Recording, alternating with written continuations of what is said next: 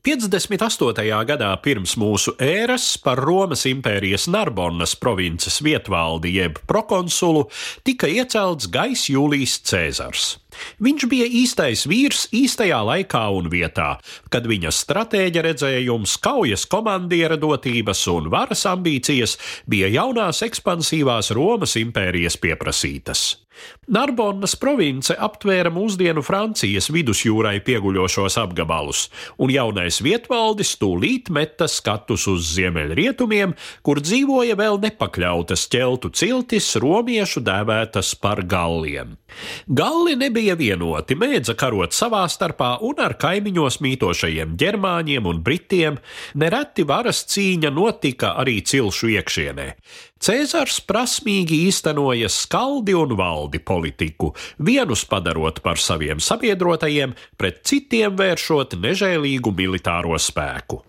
Galli, zemkopi un gani nevarēja mēroties kaujas prasmē ar disciplinētajiem, apmācītajiem un prasmīgi vadītajiem Romas leģioniem. Apmēram trīs gadu laikā romieši bija pakļāvuši visu Galliju, tagadējās Francijas un Beļģijas teritoriju. Pats Cēzars atstājis par to detalizētu liecību savā darbā piezīmes par Gallu karu. Tomēr ne visi Gallijā bija gatavi samierināties. 52. gadā pirms mūsu ēras pašā Gallijas vidienē uzliesmoja plaša sacelšanās, kuras priekšgalā nostājās gados jaunais Arvenu cilts ķēniņš Verkingetorīks. Brīdis šķita izdevīgs, Romā tieši tobrīd plosījās iekšējas jukas. Tomēr jaunais gallu ķēniņš nebija novērtējis savu pretinieku. Ātri šķērsojis ziemas sniegiem klātos Sevenas kaldus, Cēzars ieradās Gallijā un strauji manevrējot apvienoja izklaidus dislocētos leģionus. Verkingetorīks labi saprata, ka frontālā kaujā gallu izredzes ir mazas, tāpēc izvēlējās pretinieka nokausēšanas un izdedzināšanas iznīcinātās zemes taktiku. Cēzara spēku straujie manevri neļāva vest līdzi lielas pārtikas rezerves. Savukārt galli romiešu ceļā izpostīja sējumus, aizveda līdzi lopus, nodedzināja ciemus un pat pilsētas. Vienīgi biturīgu cilts vadoņi pārliecināja Verkingatorīgu saudzēt viņu galvaspilsētu avarīkumu, un tā izrādījās kļūda. Romiešiem izdevās labi nocietināto pilsētu ieņemt un sagrābt tur lielus pārtikas krājumus krājumus. Romiešu uzbrukums Verkingetorīga galvaspilsētai Gergovijai beidzās ar neveiksmi un smagiem zaudējumiem, bet tikpat neveiksmīgs bija arī gallu mēģinājums galīgi sakaut atkāpjošos pretinieku. Tad Verkingetorīks atkāpās uz labi nocietināto Alēzijas apmetni netālu no mūsdienu Dižonas. Ķēniņš iespējams cerēja atkārtot Gergovijas panākumu, taču romieši šoreiz uzsāka ilgu aplenkumu. Viņi izbūvēja ap Alēziju sarežģītu fortifikācijas sistēmu, tā bija vērsta gan pret apmetni, gan uz ārpusi, lai atvairītu gallu palīgspēku uzbrukumu.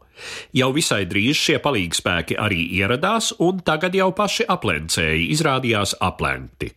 Tomēr pa to laiku nometnē iesprostotie galli sāka ciest badu. Septembra nogalē Galli mēģināja ar appusēju triecienu caursist romiešu aplenkuma loku. Romiešiem kritiska bija trešā kaujas diena, kad viņu vienības pie ārējā nocietinājuma, gallu pārspēka spiestas, turējās pēdējiem spēkiem. Šajā brīdī Cēzars pats veda pretuzbrukumā ārpus aizsargvaļņiem pēdējās rezerves un sūtīja kavalēriju ienaidniekam aizmugurē. Romiešiem izdevās pārsteigt gallus nesagatavotus. Viņu atkāpšanās pārtapa bēgšanā, romieši bēgošos vajāja un daudzus nogalināja. Līdz ar to arī Verkingetorīga cerības uz izlaušanos no aplenkuma zuda. 3. oktobrī 52. gadā pirms mūsu ēras Gallu ķēniņš un viņa armija padevās uzvarētāju žēlastībai.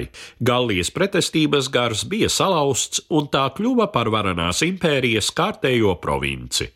Verkingetorīgu gaidīja pieci gadi Romas cietumā, pēc tam pazemojoša piedalīšanās Cēzara triumfa gājienā, drīz pēc tam nāve, iespējams no bendes rokas. Cēzars savu pretinieku pārdzīvoja par trīs gadiem, iegūdams Romas diktatora godu un nāvi no sazvērnieku dunčiem. Stāstīja Eduards Liniņš.